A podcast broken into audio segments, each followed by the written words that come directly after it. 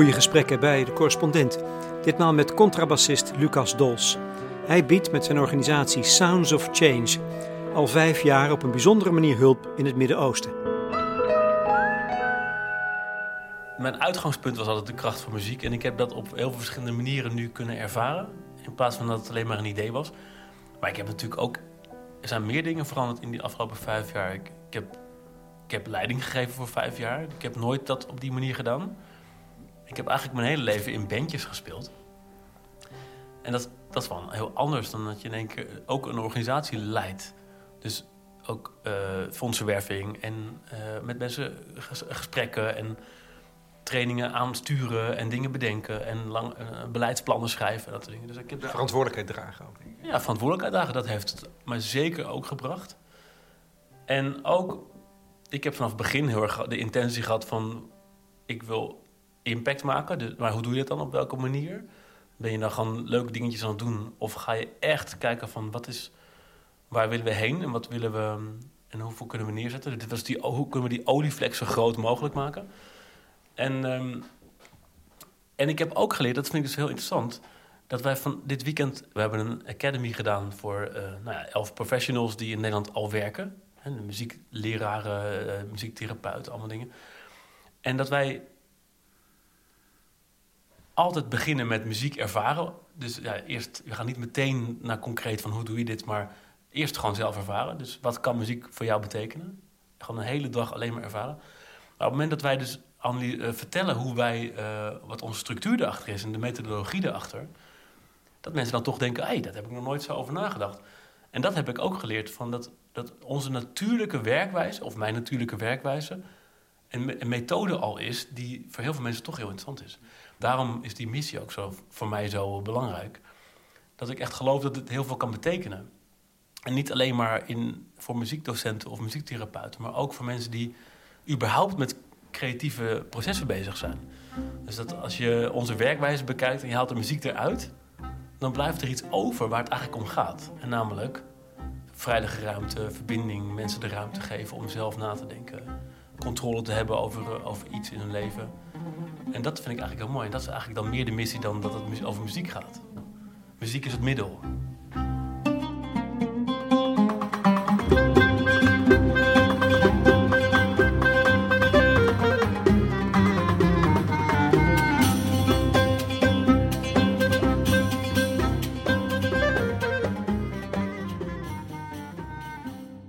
Lucas Dols is geschoold in de jazz als bassist. Hij maakte snel carrière, maar iets bleef aan hem vreten. Is dit nou wat ik me voorstelde van een leven in de muziek? Had ik niet beter dokter kunnen worden en voor artsen zonder grenzen kunnen gaan werken? Vijf jaar geleden startte hij Sounds of Change, muziek ingezet als hulpmiddel in de conflictgebieden van de wereld. De vluchtelingenkampen, verwoeste steden, waar vluchtelingen lijden onder armoede, verscheurdheid en trauma's. Muziek als een middel om het perspectief op een toekomst open te houden en iets van hoop levend. In de geloofsbrief heet het als alles al gezegd is, of als er juist niks gezegd kan worden, omdat het te moeilijk is om te spreken, dan is er altijd nog de muziek. Sounds of Change leidt ter plekke mensen op die op deze manier muziek inzetten. Afgelopen weekend was het jubileumfeest in Amsterdam. Ik heb afgesproken vlakbij zijn huis in Hilversum. We lopen richting de Bussemerheide, waar hij dagelijks komt. Ik denk dat ik er wel uh, elke dag een uur à twee uur loop. Ja. En dan ofwel voor mezelf, ofwel met mijn kind. Ofwel uh, alle zakelijke telefoontjes die hier plaatsvinden. Ja. en het grappige is dat je dan... Ik was vorige week met een bedrijf aan het bellen over een uh, workshop of iets ging doen. En dan terwijl je aan het bellen bent, zie ik zo twee herten op twee meter afstand voor me lopen. Dat is gewoon heel grappig. Het is nog zacht. Het best te doen. Wel, die zon die gaat zo... Nee, die gaat wel schijnen. Ja. Terwijl jij bent, Lucas, iemand die volgens mij ook heel erg van het Midden-Oosten houdt. Ja, dat heb ik ontwikkeld in de laatste tien jaar, ja. ja. En ik, ik vind vooral ook het contrast heel fijn. Dus ik, ik heb, toevallig komen er dan deze week vier vrienden uit eh, Jordanië over voor ons uh, vijfjarig bestaan. En dan, dan denk ik ook van, wat zullen ze er dan van vinden om hier dan over die hei te lopen met mij? Terwijl als ik dan denk, als ik bij hen ben, dan gaat het over, doen we hele andere dingen. Hele andere geuren, klanken, eten. Maar ik, ik hou erg van het contrast. een dynamisch leven en dan Midden-Oosten is echt voor mij een hele bepaalde manier van leven en zijn eh, die ik hier niet ken. Wat is dat voor manier van leven? Nou, ehm, er zijn een aantal manieren waarop mensen met elkaar omgaan die, die anders zijn. Heel erg over ehm, in het moment zijn en over... eh, ja, dat, ik denk dat vriendschappen daar wat in- intenser zijn of zo. Dat, dat gevoel heb ik wel.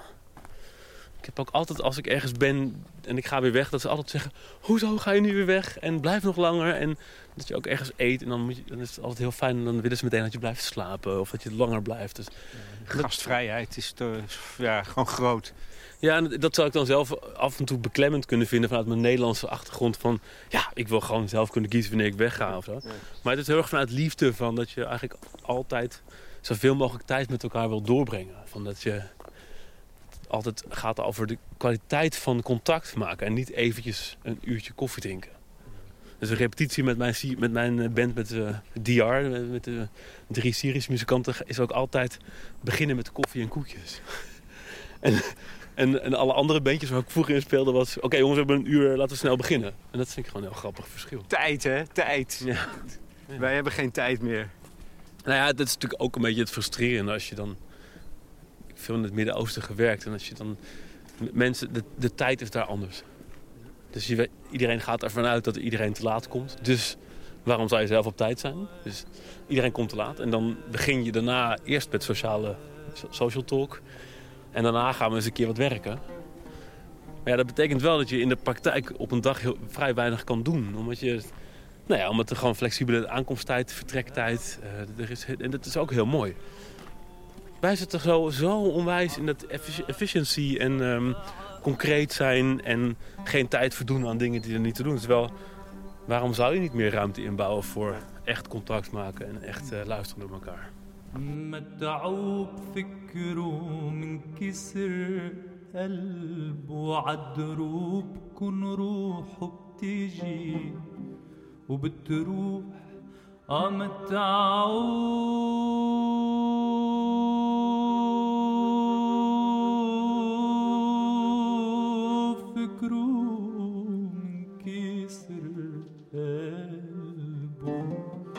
عدروب كن روحه بتجي وبتروح ولا Ja, ik zie daar de hei. Maar het is, het is meer dan dat. Het is niet alleen die, die flexibiliteit, maar het is ook... ehm,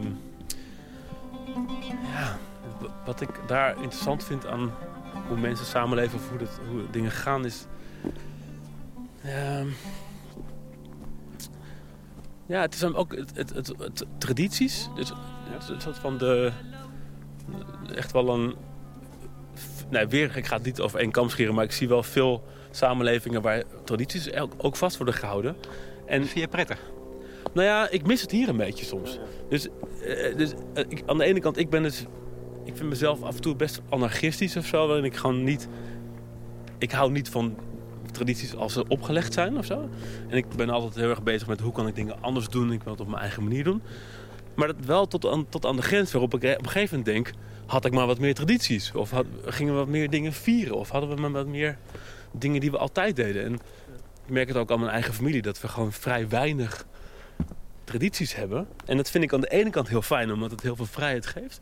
Aan de andere kant mis ik het heel erg. En ik denk dat... En dat vind je dan dus daar? Nou ja, dat is ook hetgene wat ik ook daar altijd bevraag. Van, doe je dit omdat je het echt zelf wil? Of doe je dit omdat, omdat het moet van je familie of van de, van de samenleving? Maar het is wel iets wat ik, wat ik veel zie. En wat ik heel mooi vind aan, ehm, eh, aan meerdere landen in het Midden-Oosten... is dat, er, dat ze heel veel overeenkomsten hebben. Veel meer dan dat wij dat in Europa hebben. Bijvoorbeeld ehm, als je muziek van Veroes luistert 's ochtends... Libanese zangeres? En dat heel veel mensen die ik ken, ook mijn, jong, mijn, mijn vrienden, die dus 's ochtends wakker worden en Verhoes luisteren. Maar dat doen hun ouders ook. En dan doen de, dat alle generaties luisteren nog steeds die muziek.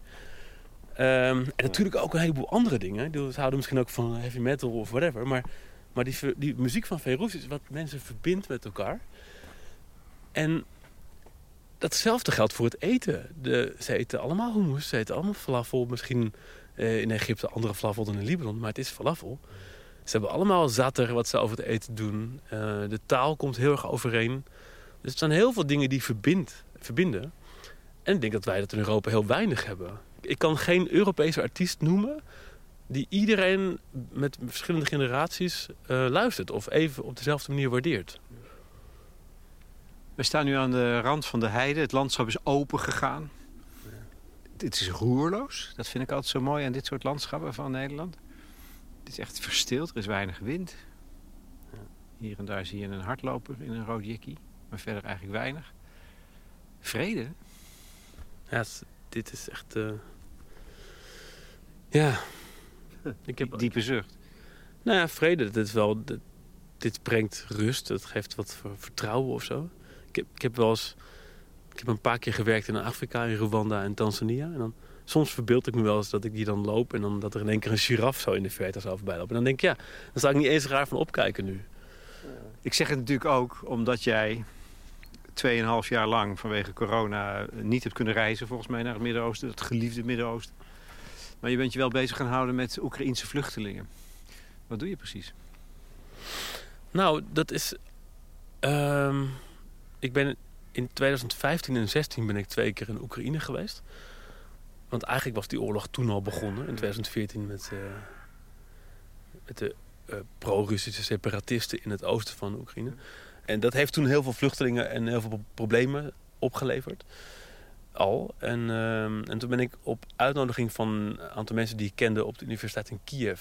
een Nederlandse zangeres ook, Marjana Golovchenko... Ehm, die uitgenodigd om een workshop te geven op de universiteit aan psychologen. Want die psychologen hadden toen al door van eh, wat wij tegenkomen met de kinderen die moeten vluchten, is dat, dat we met de woorden niet altijd overal komen waar we willen komen. En toen hebben ze mij gevraagd van kan je laten zien wat je er met muziek kan doen in die verbinding. Of juist dat contact maken met kinderen. Het ging toen vooral heel veel over kinderen. Wezen, dakloze kinderen. En dat heb ik het jaar daarna nog een keer gedaan. Dus ik ben twee keer in, daar geweest. Alleen eh, wat er toen gebeurde is, ik heb een paar jaar lang wat minder contact gehad met die mensen die ik heb opgeleid. Dat waren een vrij grote groep psychologen. En nu de oorlog dit jaar eh, nou ja, verder ging eigenlijk. En, dus in februari kreeg ik, eh, toen ben ik een beetje gaan vragen eigenlijk aan, aan wat mensen van hoe gaat het nu met jullie en eh, is er iets wat ik kan doen? En toen waren er een aantal psychologen die zeiden, ja nu komen we, hebben we te maken met acuut trauma. En acuut trauma in de zin van, wat doe je met iemand die nu in de oorlog zit? Of die vandaag een bombardement heeft meegemaakt? Of, weet je, of, een, of een soldaat die nu uit de oorlog terugkomt of erin moet. Hoe ga je met mensen om? En dan hadden zij als psychologen ook een gevoel van onmacht. Ja, ja, ja nou, die, misschien dat je in je opleiding een blokje over trauma krijgt. Maar niemand gaat, eh, gaat je... Gaat, gaat er zo vanuit dat je dus in zo'n acuut traumasituatie eh, eh, komt. En ik denk dat, dat er ook zoveel aan de hand is. En die, die vraag eh, die kwam toen bij ons van... ehm, kunnen jullie iets voor ons betekenen? En toen... Ik ben geen trauma-expert, dus ik kon ook niet heel veel toen bedenken. Maar ik ken wel eh, een aantal mensen, waaronder Sander van Goor mijn team... die eh, muziektherapeut is en veel met vluchtelingen werkt... vluchtelingkinderen werkt in Nederland. Maar die ook een hele grote een, trauma-achtergrond heeft. expert is. Anne van de Ouweland, een van de experts in Nederland... eh, die werkt eh, voor de Trauma Company, haar eigen bedrijf. En zij geeft de trainingen aan de IND en de politie en, de brandweer in Nederland. En, ehm, zij, zij is de trauma-expert. En toen hebben we met elkaar een team opgericht. We noemen het Trauma Support Ukraine. En eh, drie dagen nadat ik die hulpvraag kreeg van die psychologen... zijn we begonnen met webinars.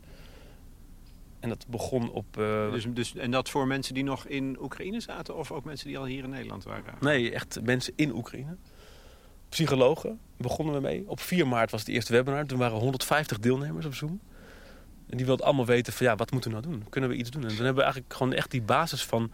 hoe herken je trauma? Wat kan je doen? Hoe kan je met behulp van lichamelijke oefeningen, ademhalingsoefeningen...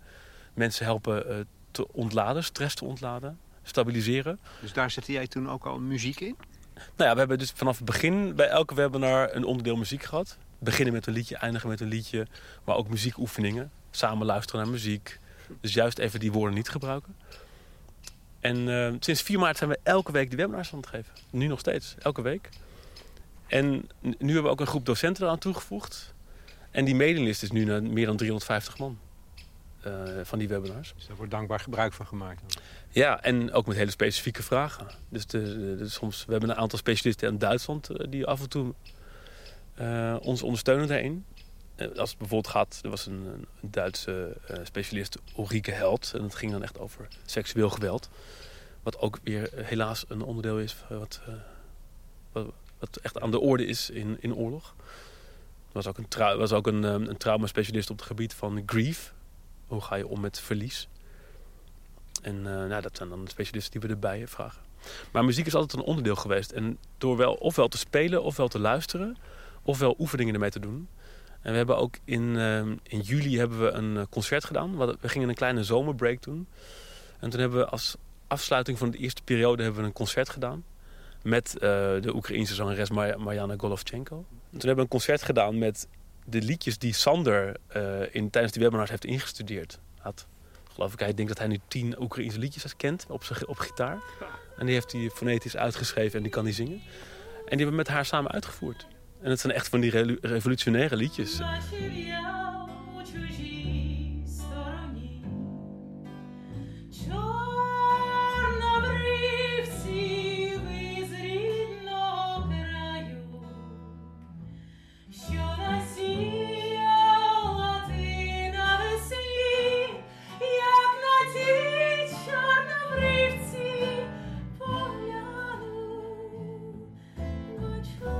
En ook... En, en, eh, en wat doet dat met die mensen? Ik kan me voorstellen. Kijk, het, biz- het bizarre is, het is een webinar. Dus het is op afstand. Ja. En dit gaat over trauma en, en diepe emoties. Ja. Ook hè, in de muziek ligt natuurlijk ook veel schoonheid. Dus hoe werkt dat dan? wij, wij moesten dan achteraf ook wel een beetje... eh, gingen we daarover reflecteren, over dat concert wat we, wat we online gaven. Met een week 60 Oekraïense mensen in Oekraïne. Deden we een online concert vanuit Amsterdam. Maar toen gingen we ook achteraf bedenken van... Moet je je voorstellen dat het andersom is? Dat, dat, je, dat wij dus uit Nederland vluchten naar, weet ik veel, eh, Moldavië. En dat er dan mensen in Moldavië Nederlandse liedjes voor ons gaan zingen. Nee, het, het is waanzinnig. Door dat idee van dat je dus de liedjes die, die jij zo goed kent, die zo gaan over jouw land, dat iemand anders in een ander land dat voor jou gaat zingen. Dat is, Ja, dat, dan breek je toch? Ja, dat, is, dat is best wel emotioneel. Dus er waren heel veel mensen die daar, die daar echt door geraakt waren, inclusief wij zelf. Maar goed, dat is wat nodig is. Misschien wel. Eh, eh, Emotioneel raken. Ja, ik denk dat het een onderdeel is van een veilige ruimte creëren. Dus dat je, dat je laat zien, ik heb echt mijn best gedaan om me te verdiepen in, in, in jou. En dat je daarmee ook een, een soort van relatie krijgt. Ik denk dat we dat hebben laten zien met die muziek. Dat, we, dat Sander, die dan al die liedjes in het Oekraïens leert spelen... dat hij echt laat zien, ik heb mijn best gedaan om jullie... om iets van jullie te leren kennen. Eh, los van alleen maar wat ik in het nieuws zie. Ik, ik investeer ook. Ik ja. investeer, dat is denk ik een hele belangrijke. Ehm, en ik denk dat, dat die, die woorden, die muziek, ja, soms heb je niet meer nodig. En ik Het is denk, juist de taalloze, hè? het is juist het taalloze en waarin mensen gewoon zelf kunnen kiezen. Ik luister, of ik ga meezingen, of ik ga dansen, of, of, eh, of ik doe mijn ogen dicht. En dat je dat, dat ook die ruimte daarin hebt een beetje. Ik denk ook dat het is natuurlijk het magische van muziek. Dat, dat, dat in muziek emoties gemengd zijn. Weet je, het is niet alleen maar vrolijk of ook daar specht. ik hoor. specht ja. Ik denk dat hij zit hier laag ergens.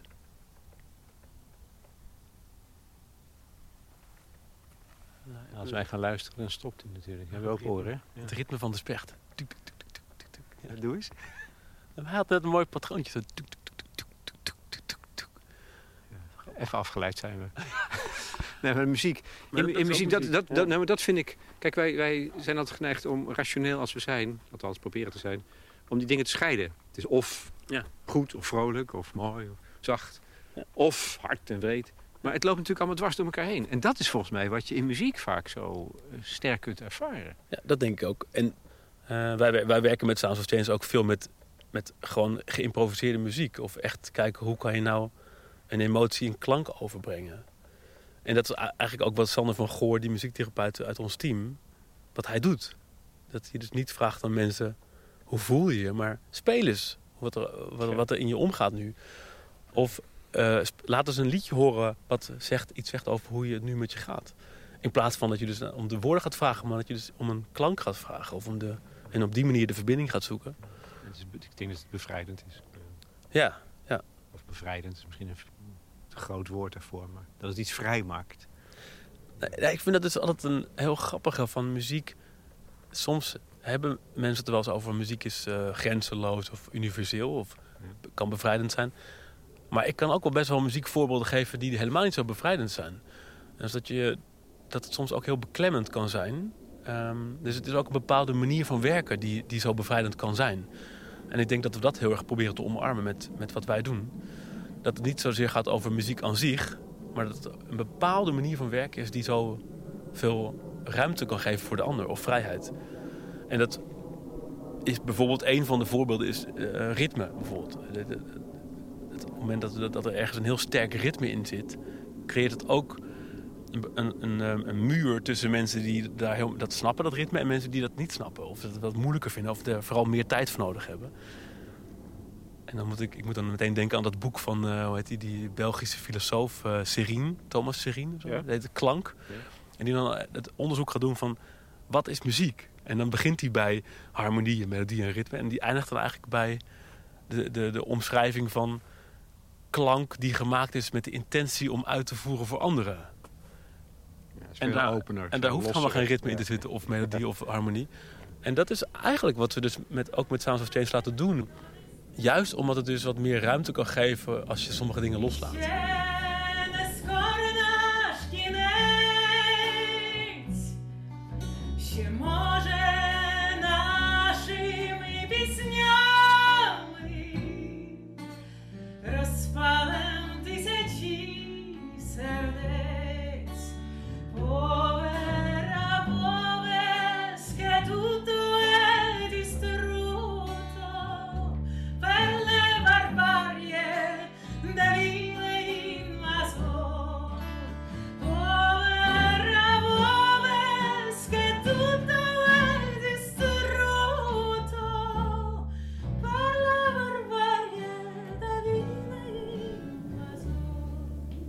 Vliegtuigje over deze verder vreedzame omgeving. Ehm, vertelde je me nou ook, toen we even elkaar even aan de telefoon spraken... dat jij bezig bent om in Nederland therapeuten die gevlucht zijn uit Oekraïne... in contact te brengen met mensen die hulp nodig hebben? Nee, ik vind het een van de, ehm, de logische stappen die zouden kunnen in een samenleving. Dat je directe verbindingen gaat maken tussen professionals en mensen die hulp nodig hebben. En het kwam eigenlijk aan een van die psychologen die ik in Kiev had opgeleid in 2015 en 2016. Die, eh, die is naar Nederland gekomen met haar twee zoontjes. En ik ging met haar op een avond in Den Haag zitten. eh, op een terras. En toen had ik voor een van mijn bestuursleden gevraagd om erbij te zitten en iemand anders een paar vrienden. En toen was er eigenlijk een gesprek ontstaan over, ja, ik ben psycholoog, vertelde zij. En ik kan heel veel doen, denk ik, voor mensen hier. Maar mijn diploma is niet gecrediteerd. Ik mag hier eigenlijk niet werken. En dat is natuurlijk heel raar. Dat je dus daar dat wel had kunnen doen en hier niet. Gewoon puur omdat er gewoon, ja, dat dat niet in ons systeem op die manier werkt. Want in Nederland moet je dat de doen. regels, de regels. Ja, dat, dat, dat is ook, een dat, is, dat is ook logisch, want het- we moeten ook een, een, zorgstelsel beschermen en kwaliteit, eh, voor kwaliteit staan. En kijk, in Nederland zou dan de volgorde zijn als je een, eh, ergens tegenaan loopt, een, een, mentaal probleem of een, een, een psychisch probleem, dan ga je naar een huisarts en die verwijst je naar een Nederlandse psycholoog door. En die... Maar in dit geval zou dan een Nederlandse psycholoog met een Oekraïense tolk met jou in gesprek gaan. Terwijl dat, al die stappen zou je kunnen overslaan als je directe verbinding kan bouwen tussen Oekraïense psychologen en eh, mensen die dat nodig hebben uit Oekraïne. Lukt dat een beetje om die verbinding te leggen? Of stuit je dan toch echt op bureaucratie? Dan stuit je zeker weten op bureaucratie van de overheid. Dus het lukt helemaal niet. Nou, het, het- het plan ligt er. En we hebben een, ehm, er is een motie geweest voor de zomer. Ehm, die, die wij hebben aangevraagd eigenlijk via eh, nou ja, een aantal eh, organisaties. En die is toen ook wel aangenomen. Dus we zijn nu in gesprek met jus- justitie en veiligheid over de mogelijkheden om dit wel te kunnen gaan doen. Maar je loopt inderdaad tegen een heleboel bureaucratische dingen aan. En dat heeft ermee te maken dat, dat, dat mensen heel erg focussen op, het, op een langetermijnoplossing. waar ik helemaal voorstander van ben. Alleen, er moet ook op de korte termijn iets gebeuren. En de korte termijn is morgen beginnen, liefst vandaag nog. En die lange termijn oplossing, daar kan je dan tegelijkertijd aan werken. Maar hoe langer je wacht met, ehm, wij noemen het dan, het is mental health en psychosocial support. Dus het gaat niet over traumabehandeling, maar het gaat wel over de, de interventies nu op het gebied van stress eh, eh, loslaten en, en, en verbinding met elkaar al. Kan je veel groter trauma voorkomen misschien wel. Of mensen nu al een, een, een traject aanbieden waarin ze dus minder steun nodig hebben. En dat denk ik een van de... Dus wij willen nu aan de slag. En dat hoeft niet in de weg te lopen voor een lange termijn oplossing. Maar als je dus een lange termijn oplossing zoekt... dan ben je weer een jaar verder voordat je aan de slag gaat. Dus als je iets ziet wat er aan de hand is... wil je wil eigenlijk morgen reageren. Ja. Als, als wij... Als, als een, Je spreekt de improvisator. Nou Nou ja, meteen reageren ook. Nee, het is wel gek. Als, we, als ons land eh, morgen wordt aangevallen door een ander land... dan ga je ook niet eer eindeloos discussiëren over wat er moet gebeuren. Dan, dan gaat er iemand een keuze maken en dan moeten we daar allemaal achter staan. En kijk, wij zijn nu de regio. Dus waar, waar, waar Ja. al, al die, al, al die eh, politici die het altijd hadden over opvang in de regio... Ja. In het Midden-Oosten ging het dan vooral over. Hè? Dus het ging over Syrische vluchtelingen en Afghaanse Ja, vluchtelingen. hoe ironisch. hè. Nu zijn wij de, de, de, de, de regio. En wat gaan we dan doen? En als je dan refereert naar de, de Mental Health en Psychosocial Support conferentie die Sigrid Kaag heeft ge- georganiseerd in volgens mij 2019, ging het hierover. Er moet geld beschikbaar zijn voor opvang in de regio. Wij zijn de regio. Wat gaan wat, maak het maar waar. Hoe gaan we het dan doen? En daar is eigenlijk ons plan op gebaseerd. Van, eh, het is niet een core business in de zin van wat wij Sounds of Change normaal doen. Maar het is wel iets waar we ons zorgen over maken en waar we ons graag hard voor willen maken. Ja. Nog één ding, eh, Lucas, hierover. Ehm, is dat allemaal vrijwilligerswerk? Bijvoorbeeld die webinars die jullie zijn gaan organiseren? Nee, dat vind ik dus ook het mooie eraan. Dat, dat er meteen in, het, in de beginfase al een, een, een NGO, die heet MedAir. MedAir die heeft meteen gezegd, wat jullie doen is heel belangrijk. Dan gaan we meteen zorgen dat, dat het financieel mogelijk wordt gemaakt.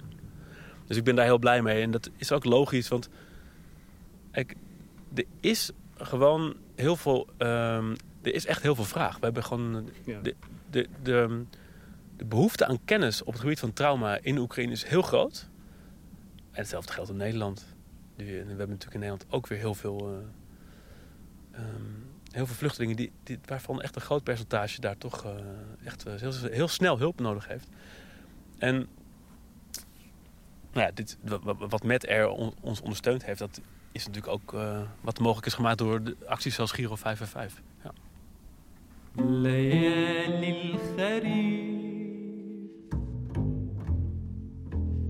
عم تسألني وصلت وكيف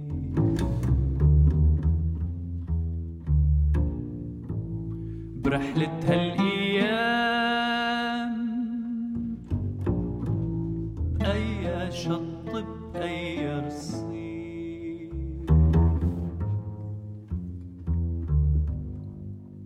وبنرجع أيام جبال.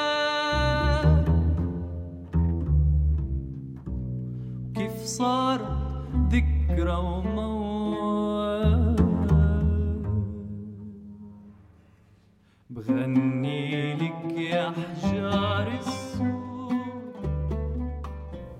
We lopen terug naar je huis. Daar ligt een contrabas te wachten op je komst natuurlijk. Je viert deze zondag, 16 oktober, het bestaan van het vijfjarig bestaan van Sounds of Change. Ehm, en dat is werk dat je doet in het Midden-Oosten. En dan eh, ga je naar conflictgebieden, brandhaarden, kapotte steden, vluchtelingenkampen... om daar mensen op te leiden om met muziek, met nou ja, getraumatiseerde mensen om te gaan. Ehm, dat doe je vijf jaar. Heeft het jou veranderd, dat werk, in de loop van die vijf jaar? Ehm, ja, denk het wel. Het heeft mij veel meer eh, inzicht gegeven in, eh, in de kracht van muziek. Wat ook mijn, wat mijn missie natuurlijk ook is. Of mijn, mijn grote geloof waar het ooit ook ontstaan, uit is ontstaan. Ehm, maar dat was eerst een gevoel van eh, ik geloof dat muziek veel meer kan doen. En dat het niet alleen maar voor, me- voor mensen op een podium is, maar ook juist veel meer iets is wat van ons allemaal is. En wat voor ons allemaal iets kan betekenen. Maar eigenlijk in die afgelopen vijf jaar heb ik steeds meer praktijkvoorbeelden en echt gezien. Ja. Niet alleen maar gevoeld wat dat zou kunnen, maar ook gezien dat het gebeurt. Dus ook onze nou, de quote die ik vaak gebruik, ook op onze website, is van eh, Music changes the world because it changes people. En het grappige is, het is eigenlijk een quote van Bono van eh, U2. En die had gezegd, ja, music can change the world because it can change people. En toen dacht ik, nee, maar het gebeurt al. Het, het is niet dat het kan, het, het, het gebeurt. En daarom vond ik het gewoon, er zit veel meer actie in. Want het is, ik heb dus, du- waar, waarin ik veranderd ben, is dat ik gewoon heb gezien wat het doet. In plaats van geloofd in dat het, wat het zou kunnen. En dan heb je het over mensen die geraakt worden. Kan je iemand noemen of beschrijven? Of kan je één zo'n verhaal vertellen? Ehm, Eén uit vele. hè? Ja, precies. één uit vele. Ehm, nou, ik heb... Ik heb... ehm, ja, het is heel moeilijk om even te kiezen zo snel. Ehm, nou, ik heb bijvoorbeeld... eh, Dit weekend hebben we... We, doen, we werken ook tegenwoordig in Nederland.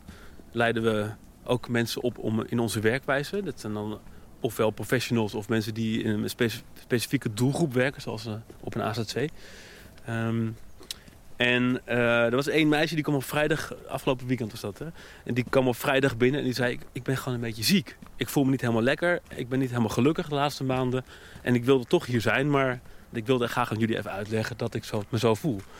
En toen we op zondag dus de laatste dag een, een check-out hadden met elkaar, toen zei ze... Ik heb gewoon dit weekend ervaren wat muziek kan doen met mensen. Want ik voel me nu gewoon verbonden met jullie. Ik ben blij, ik heb een hele andere energie.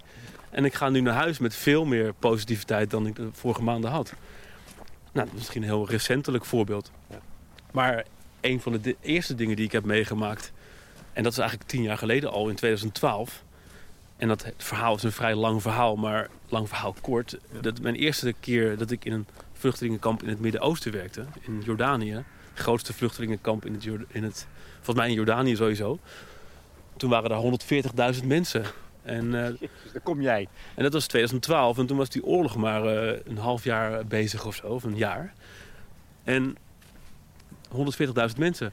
Geen stromend water, geen elektriciteit, geen, ehm, eh, niet genoeg tenten, niet genoeg eten, 40 graden, Troosteloos. troosteloos.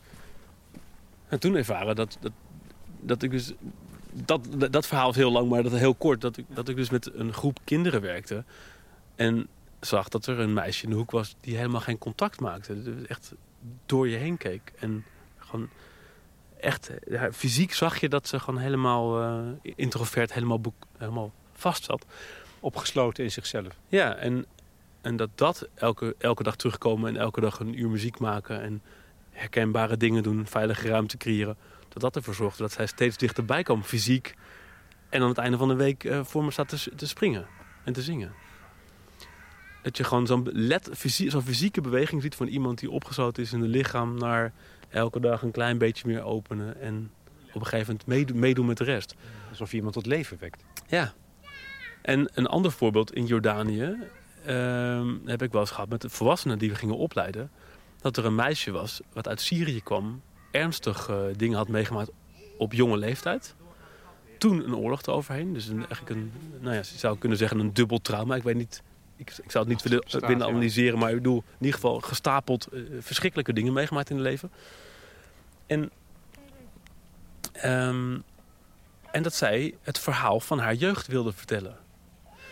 Maar niet zomaar. In onze... Dat nu een jongetje van twee ongeveer. Leeftijd van jou, zoontje. Ze zijn niet aan het zoeken. Misschien zijn ze zoeken. Dat lijkt me heel raar. Nee. Maar ze ziet er zo'n mandje, toch? Zo'n, Ja, ja, ja. het zijn zo'n eh, kanterellen. Ja, kan er, dat zal het zijn. Ja. Nee, maar zo'n zo'n zo'n vrouw die dan in onze muziektraining besluit... ik wil eh, mijn verhaal gaan vertellen. Maar ik ga het niet gewoon vertellen, ik wil het zingen voor jullie. En dat was een onderdeel van een songwriting week die we hadden met, met vluchtelingen uit Jemen, Syrië, Palestina. alle- Allemaal door elkaar, gemixte groep in, eh, in Jordanië, in een stad daar, Eerbid. En zij wilde haar verhaal zingen. En zij vertelde, ik heb dit nog nooit aan iemand verteld. En nu ga ik het aan jullie vertellen, maar ik ga het wel zingen, want ik durf het niet te vertellen. Ja, dit is gewoon... ik heb er geen woorden voor. En, en het bizarre was, dat dus aan het einde van die week, want iedereen deed zoiets. Er was ook een jongen die wilde rappen over zijn net overleden moeder. Ging hij een rap maken. Hetzelfde verhaal. Die wilde het niet vertellen, maar die ging het wel rappen voor ons. En het mooie was dat ze dus na die week die liedjes schrijven. Heel, hele diepe liedjes. Toen vroeg ik van ja, wat gaan we nu met die liedjes doen dan? En toen zeiden ze, nou, dat willen we wel gaan uitvoeren. Concert. Dus toen hebben ze 50, waren er 50 mensen uitgenodigd. En toen hebben we een concert gedaan. Maar dat je dus voelt van dat mensen de vrijheid voelen binnen. Nou, ik denk ten eerste wel de veilige ruimte die wij creëren. Maar dat ze dus de veiligheid voelen om hun verhaal te vertellen. En dat ze de- daarin een opening hebben gevonden die niet is met de woorden in, het, in een verhaal vertellen, maar echt in, een, in de muziek. Die muziek geeft dan ook weer die veilige ruimte van. Ik, het, is, het, het is een, ja, een artistieke vorm of zo. Het is toch iets. Nou, een vorm. Ik denk vorm. Dat, vorm, ja. dat, dat, het, dat precies vorm iets is wat een houvast biedt. Ja. Ja, en dat je dus ook nadenkt over. Het is een andere manier van expressie. En je gaat er wel over nadenken. Als je, je, je kan natuurlijk ook je verhaal opschrijven en het voorlezen van papier. Maar je kan dus ook een, een, een melodie bedenken. Het, het is eigenlijk een, een vorm, ja. Het is, En dat is, dat is ook vergelijkbaar met jouw behoefte aan traditie, hè? ja. Of rituelen. Dat is ook niks anders dan een vorm om te complexe dingen in onder te brengen. Ja, en, en dan ben ik dus heel erg van de nieuwe tradities. Dus, dus, dus niet zozeer van de oude tradities in stand houden. Tenzij ze echt ergens een functie hebben. Want dat is ook mooi om te bevragen. Welke dingen moeten we wel houden en welke niet. Maar vooral dat je met een liedje een nieuwe traditie kan bouwen. Of met de manier van met elkaar omgaan. Dus als je kijkt naar onze trainingen met Sounds of Change. Die hebben een hele duidelijke opbouw. Waarvan mensen van tevoren weten. We beginnen altijd met een check-in. We eindigen altijd met een check-out. En daartussenin zitten een aantal stappen die we ook ongeveer kennen. Er zit gewoon een bepaalde traditie die je bouwt met elkaar. Van, we beginnen niet voordat we elkaar stem hebben gehoord eventjes. Of om even te voelen hoe gaat het met iedereen. En, ehm, en ik denk dat je inderdaad met, met muziek dat je, dat je iets tastbaars kan creëren... waarin mensen hun verhaal leggen, wat ze weer meenemen, verder, verder meenemen. Wat kan reizen, waar je op terug kan vallen soms. En wat ook onwijs helpt, en dat heb ik dan weer van, eh, van Sander van Goor geleerd, die muziektherapeut, eh, Ja. waar ik dus heel veel mee werk. En die vertelt ook, kijk, op het moment dat je eh, muziek maakt die er nog niet was voordat je het hebt gemaakt, iets nieuws maken, dus componeren, dan geef je mensen ook de ruimte om helemaal hun eigen keuzes te maken. Dus ik kies, dit zijn mijn woorden, dit is mijn melodie, dit is mijn ritme, ik kies hiervoor. En als je dat doet met mensen die normaal niet zoveel ruimte hebben om te kiezen, Of nul. nul. Hè, dus waar woon je, wat eet je vanavond, met wie ga je om. Eh, maar je gaat in één keer in die muziek geef je de ruimte. Maar hier, nu mag je alles zelf bepalen. Dit is helemaal voor jou. Ja. Dat is een hele, hele krachtige stap voor mensen soms. Kan dat zijn. En dat hoor je terug in zo'n liedje. Ik denk altijd maken, iets maken, is het beste antwoord op dingen die je meemaakt. Even het heft in eigen hand nemen. Maar ja, dat is precies wat jij zegt. Ja. Creatief worden. Creati- ja, of dus creatief zijn. Ja, Zoals mijn eh, grote... eh, ik, ik, Ken, ik weet niet of je Ken Robinson kent. Een Ja, van, ja, ja, ja. dit- Onderwijsexpert uit, eh, uit Engeland. die, die dan ook zegt van... we- Je, je moet het niet worden, je moet het, we waren het al. Alleen hoe blijf je creatief? Ja, we zijn het afgeleerd ook eerder. In zijn betoog in het onderwijs. ja. En dat vind ik dus wel een interessant idee, van, dat geloof ik ook wel. En, ehm, en ik kan me ook voorstellen de- dat... eh, dat sommige... Ja, ik, ik wil niet zeggen dat mensen die in een vluchtelingenkamp wonen, wonen niet creatief zijn. Want ik denk dat Nee. dat juist Ja, bij uitstek de mensen zijn die heel, heel erg creatief zijn. En onwijs veel veerkracht hebben om überhaupt met de dingen om te gaan. En alleen soms kan je die creativiteit ook op een andere manier gebruiken. En ik denk dat dat, ook mooi is om te verkennen.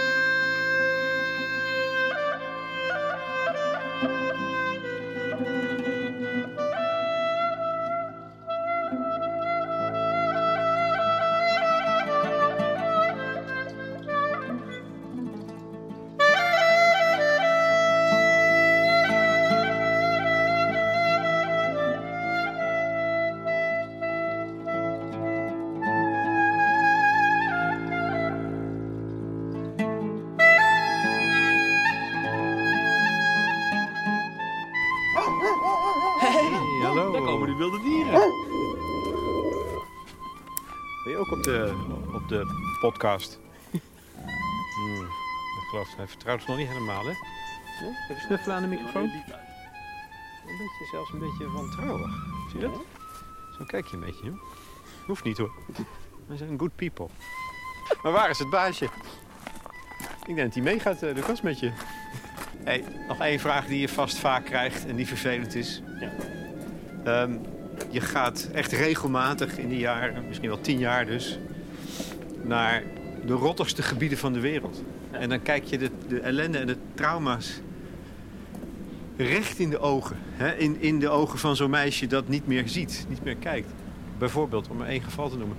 Hoe, hoe overleef jij dat? Hoe houd jij je Eh. mentaal gezond? Nou, dat is wel een goede vraag. Ehm, ik heb, wij werken altijd met, eh, ik werk nooit in mijn eentje meer. Dus ik heb vroeger heel veel projecten in mijn eentje gedaan en dan vind ik, dat vond ik echt heel zwaar. Dat, dat je dus s'avonds dan in je eentje op je kamer zit terwijl je eigenlijk al die dingen die je meemaakt met iemand zou willen delen. En dat is ook een van de redenen waarom ik vaak nee, alleen maar met tweetallen nog werk. Zodat je nou ja, soms zelfs meer, maar minimaal twee personen. Dat je s'avonds de ruimte hebt om met elkaar te reflecteren. Er komt nu een eh, stofzuiger van de gemeente langs, Lucas. Zullen we die even voor Nou, omheen lopen? ik heb sinds, sinds ik een zoontje heb, heb ik steeds meer, wel, steeds meer interesse gekregen voor dit soort schoonmaakmachines. Ja. Integraal beheer openbare ruimte. Je hebt twee jaar geleden een zoontje gekregen. Ja. Terwijl je bent voortdurend omringd met getraumatiseerde kinderen. Dat vind ik een stap, weet je. Dat je dus toch op een of andere manier het geloof in de mensheid hebt weten te waarborgen in jezelf. Ja. Nou, dat is wel interessant, want ik heb, ik heb natuurlijk tijdens corona helemaal geen één reis gemaakt. Nee. Ik heb twee jaar eh, helemaal niet, eh, niet kunnen reizen. En we hebben wel heel veel dingen online gedaan. Dus eh, echt veel, veel trainingen online gegeven. Ja. In, ik weet nog, in Irak, in Syrië, in Libanon, in Egypte. zelfs in Palestina en Jordanië hebben we dat eh, trainingen online gegeven. En dat was best wel heel interessant om te kijken wat je ermee kan doen.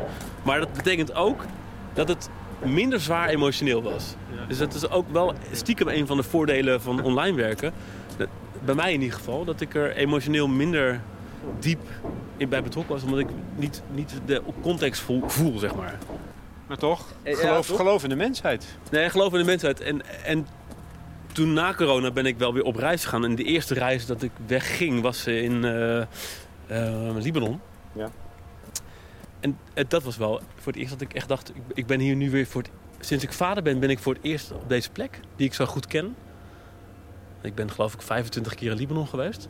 Maar dat, dit was de eerste keer als vader. En dat vond ik wel echt heel, heel heftig. Vooral ook omdat de, het land Libanon, de stad Beirut, niet hetzelfde is als die twee jaar geleden dat ik daar voor het laatst was. Of tweeënhalf jaar geleden. Nee, ze is heel erg achteruit gegaan. En waar zie je dat aan? Eh, alles. Armoede, eh, de- eh, frustratie, depressie, alles. Geweld. Met je zin om weg te rennen? Nou, ik vond het echt heel treurig om te zien. Want ik, ik ging daar. Ik, ik ken Beirut als een hele bruisende stad. Met alles mogelijk. En heel veel verschillende wijken die allemaal iets bijzonders hebben. En nu zag ik gewoon nou, de, de, de grootste beroemde winkelstraat in Beirut, Hamra. Nou, 80% van de winkels was dicht. Gewoon omdat het eh, failli- failliet, stroom uit, donker, geen verlichting. Stra- de snelwegen zijn niet verlicht s'nachts omdat ze stroom proberen te besparen. Is het, het effect van de oorlog, hè? Ja, nou, wanbeleid. Corruptie en wanbeleid. Oké. Dit. En, en ook afvalprobleem. Al jaren wordt afval in zee gedumpt en op straat. En er wordt geen. De, de, de regering daar heeft, heeft, doet niks voor, voor mensen. Dat is eigenlijk wel echt een probleem. Los daarvan is dan, het heeft ook daarmee te maken een enorme financiële crisis. En heel veel sociale problemen. Dus waar vroeger. eh, er zijn natuurlijk heel veel Palestijnse vluchtelingen in Libanon. Toen kwamen er heel veel Syrische vluchtelingen. En de, nou ja, de, de Verenigde Naties eh, zorgt best wel goed voor Syrische vluchtelingen. Bijvoorbeeld, nou redelijk, want dat is ook in Libanon allemaal heel sketchy of heel erg, niet, nou, dat we zeggen, niet ehm, voldoenend of niet voldoende om voor iedereen te zorgen. Maar nu is, is de situatie dat de, de Libanezen armer zijn dan de Syrische vluchtelingen die er wonen. En dan krijg je dus wijs gevaarlijke sociale eh, problemen. Die dus heel veel geweld eh, opleveren. Er zijn, dus veel meer, er zijn ook veel meer berovingen. Ik heb niks gezien, maar wel heel veel gehoord. Dat er gewoon veel meer wapens verkocht worden. Er zijn veel meer berovingen in Libanon. Dus het is heel erg aan het veranderen, ja. Jij blijft gaan. Nou ja, ik blijf gaan. Eh, ook omdat er dus heel veel eh, partnerorganisaties van ons daar zijn... die dus heel belangrijk werk blijven doen. Zoals War Child, eh, die we nu ook trainen in Libanon. Maar die doen heel belangrijk werk. En die hebben... Maar je mag, dat, is, dat is ook het gevoel dan. Je mag mensen niet in de steek laten. Ook, Je al, mag ook al ben je vader geworden en denk je ook aan je kind thuis. Dat, dat is dus precies waarom ik denk, nu moeten we juist doorgaan. En ik weet ook dat we een, een organisatie als War Child heeft heel veel moeite met continueren van werkzaamheden in Libanon. Omdat het een oneindig conflict is. Er is, niet, het gaat, er is geen zicht op oplossing. En sinds de oorlog in Oekraïne zijn heel veel donateurs of dono- donors hebben besloten om hun investering aan eh, projecten rondom Oekraïne te, te geven. Dus dat de continuering van die projecten is heel erg eh, moeizaam. En dat is ook wel een van de redenen waarom ik juist daar wel door wil blijven gaan. In, in de muziek weet je niet of, je, of iemand uit Syrië of uit Libanon komt. Wel als je met elkaar gaat praten, maar in de muziek weet je dat niet. Dus ik- het is, het is een heel mooi, mooie manier om met elkaar in interactie te zijn... voordat je weet waar iedereen vandaan komt. Of voordat je weet waar de, waar de grenzen liggen. Of eh, wat, voor, wat voor paspoort iemand in zijn zak heeft. Nog even naar binnen. Ja. Je hebt natuurlijk een lekker band. kan je je band niet plakken?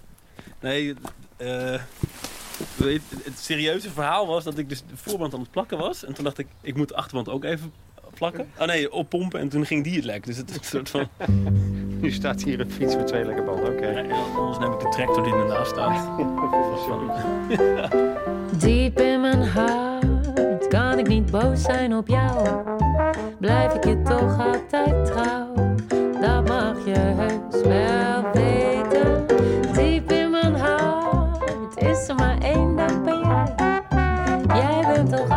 Voor mij, zul je dat nooit vergeten? Want jij bent heus niet slecht. Wat ook een ander van je zegt. Lieveling, denk toch eens aan. Samen door het leven te gaan. Ik heb dan je liefde Ik struikel over het speelgoed. En zo hoort het ook. Je hebt nog een haastige poging gedaan om het een beetje op te ruimen. Nou, falikant mislukt, eh, Lucas Dols. Maar goed. nou ja, dat doe ik dus twee keer per dag. En hij kan ik echt voor elkaar in vijf minuten ehm, alles weer uit alle tassen te halen. En uit alle kasten. Jij bent opgeleid als jazz-contrabassist. Er ligt daar een contrabas. Speel je nog wel eens? Nou, eh, ik speel eigenlijk... eh, ik heb vorige week een eh, Edison gewonnen. eh, op donderdag. Waar- waren de uitreikingen van de Edison Awards. En ik heb met het album eh, In de Regen van Janne Schra en de Vogels... hebben we net een, een Edison... eh, dus dat is toevallig dat je dat vraagt. Maar, dus ik ben nog nou, ja, redelijk actief in de, in de muziekwereld. Het was eigenlijk zo dat ik tot nou, laten we zeggen, zes, zeven jaar geleden heel actief was in de muziekwereld, voornamelijk. En deed ik de, aan het begin deed ik, ik heb een aantal jaren vrijwillig dit soort muziekprojecten erbij gedaan. Eh, omdat ik dacht van, nou, dit moet ik gewoon wel doen. Nu heb ik het een beetje omgedraaid. Nu doe ik Sounds of Change vier dagen per week en doe ik wat concerten erbij. Eh, maar dat is nog wel steeds één à twee keer per week spelen, ja. Eh, de kern van jullie werk is improviseren, denk ik. Nou ja, vanuit de jazz sowieso. Eh, als ik jou nou vraag, kun je nu wat improviseren? Zeg je dan ja? Ja, natuurlijk. Wil je dat doen? Ja, zeker. Ehm, dit is toevallig zo dat ik nu een, een bas heb die, die nog niet van mij is. En, eh, eigenlijk elke gelegenheid aanpak om er even mee te spelen. Ja, leuk. Dus, En ik, ja, ik, ga niet, ik ga geen Goldberg variaties of geen cello suite spelen hoor. Dat, eh, even improviseren. ja, Lucas Dols. Wat is het vandaag? Eh, dinsdag 11 oktober 2022.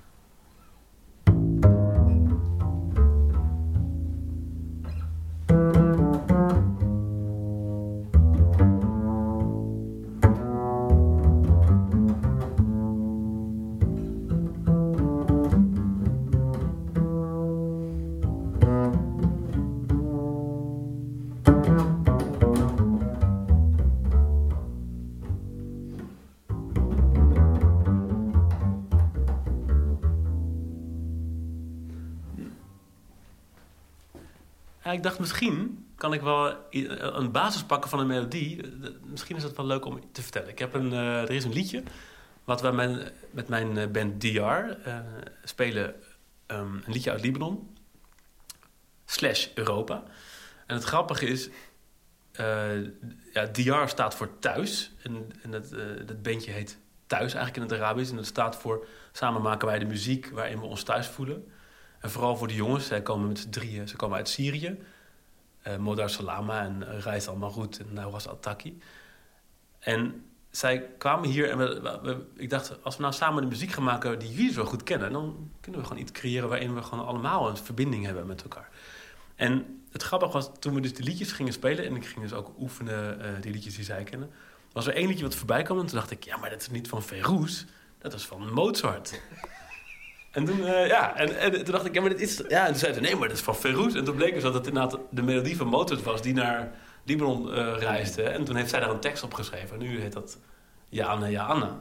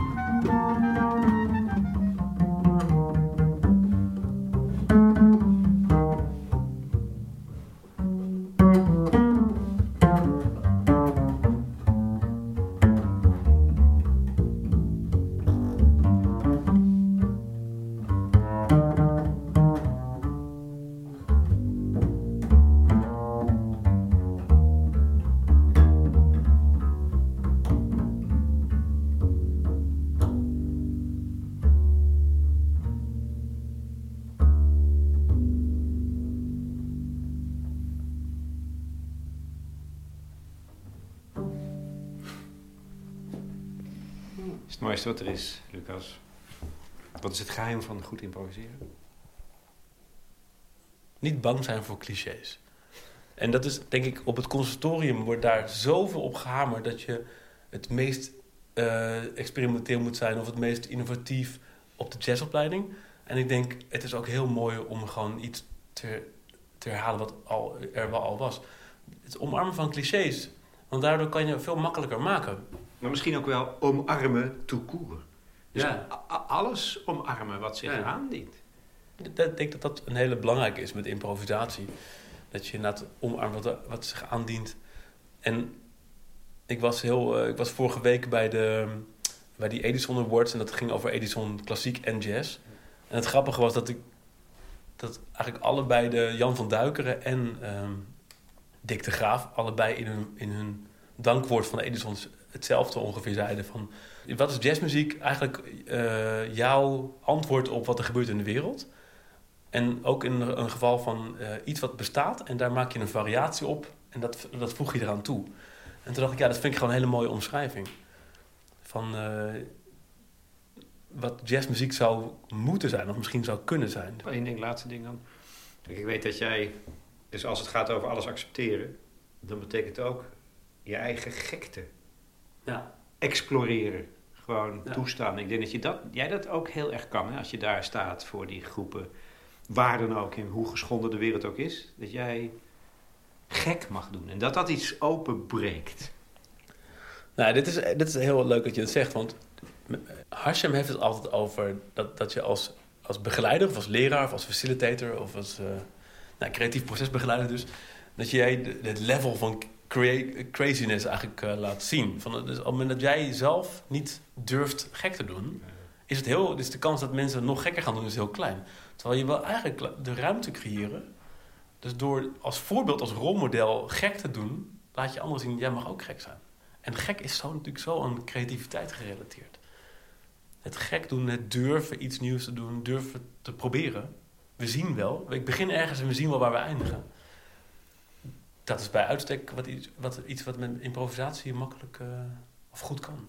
Dus daar is dan weer moed. Komt daar weer om de hoek kijken. Ja, en het grappige is, ik loop inderdaad soms als een, eh, als een soort van eh, clown op bepaalde plekken in het Midden-Oosten, in een vluchtelingenkamp. En dat mensen mij dan ook dan inschatten als... Hey, dan vraag ik soms, hoe oud denk je dat ik ben? En dan zeggen ze, ja, 27, 26.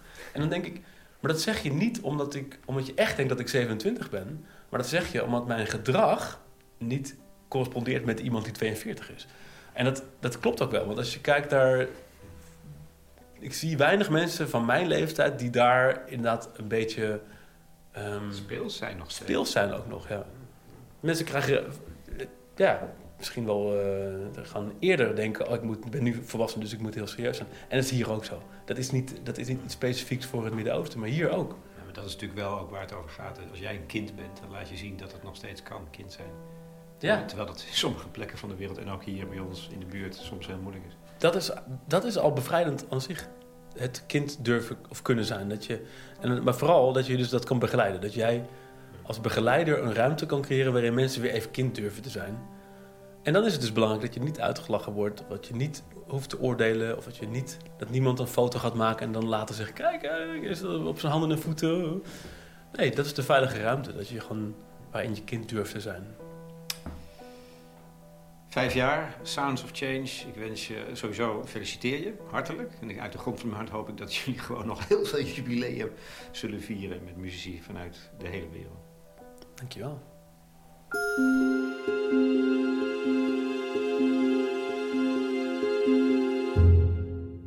Lucas Dols in gesprek met Lex Bolmeijer voor de correspondent over Sounds of Change dat vijf jaar bestaat.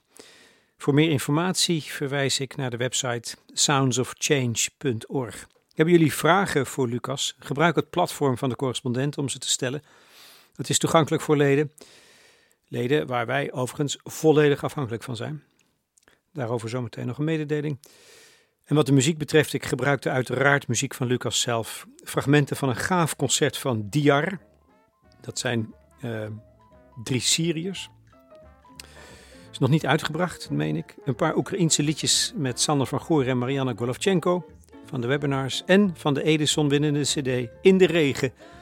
Een liefdesliedje van Janne Schera. Diep in mijn hart. Ja, ja, daar vind je het allerbelangrijkste. Leven te gaan. Ik heb door je liefde voortaan. Diep in mijn hart.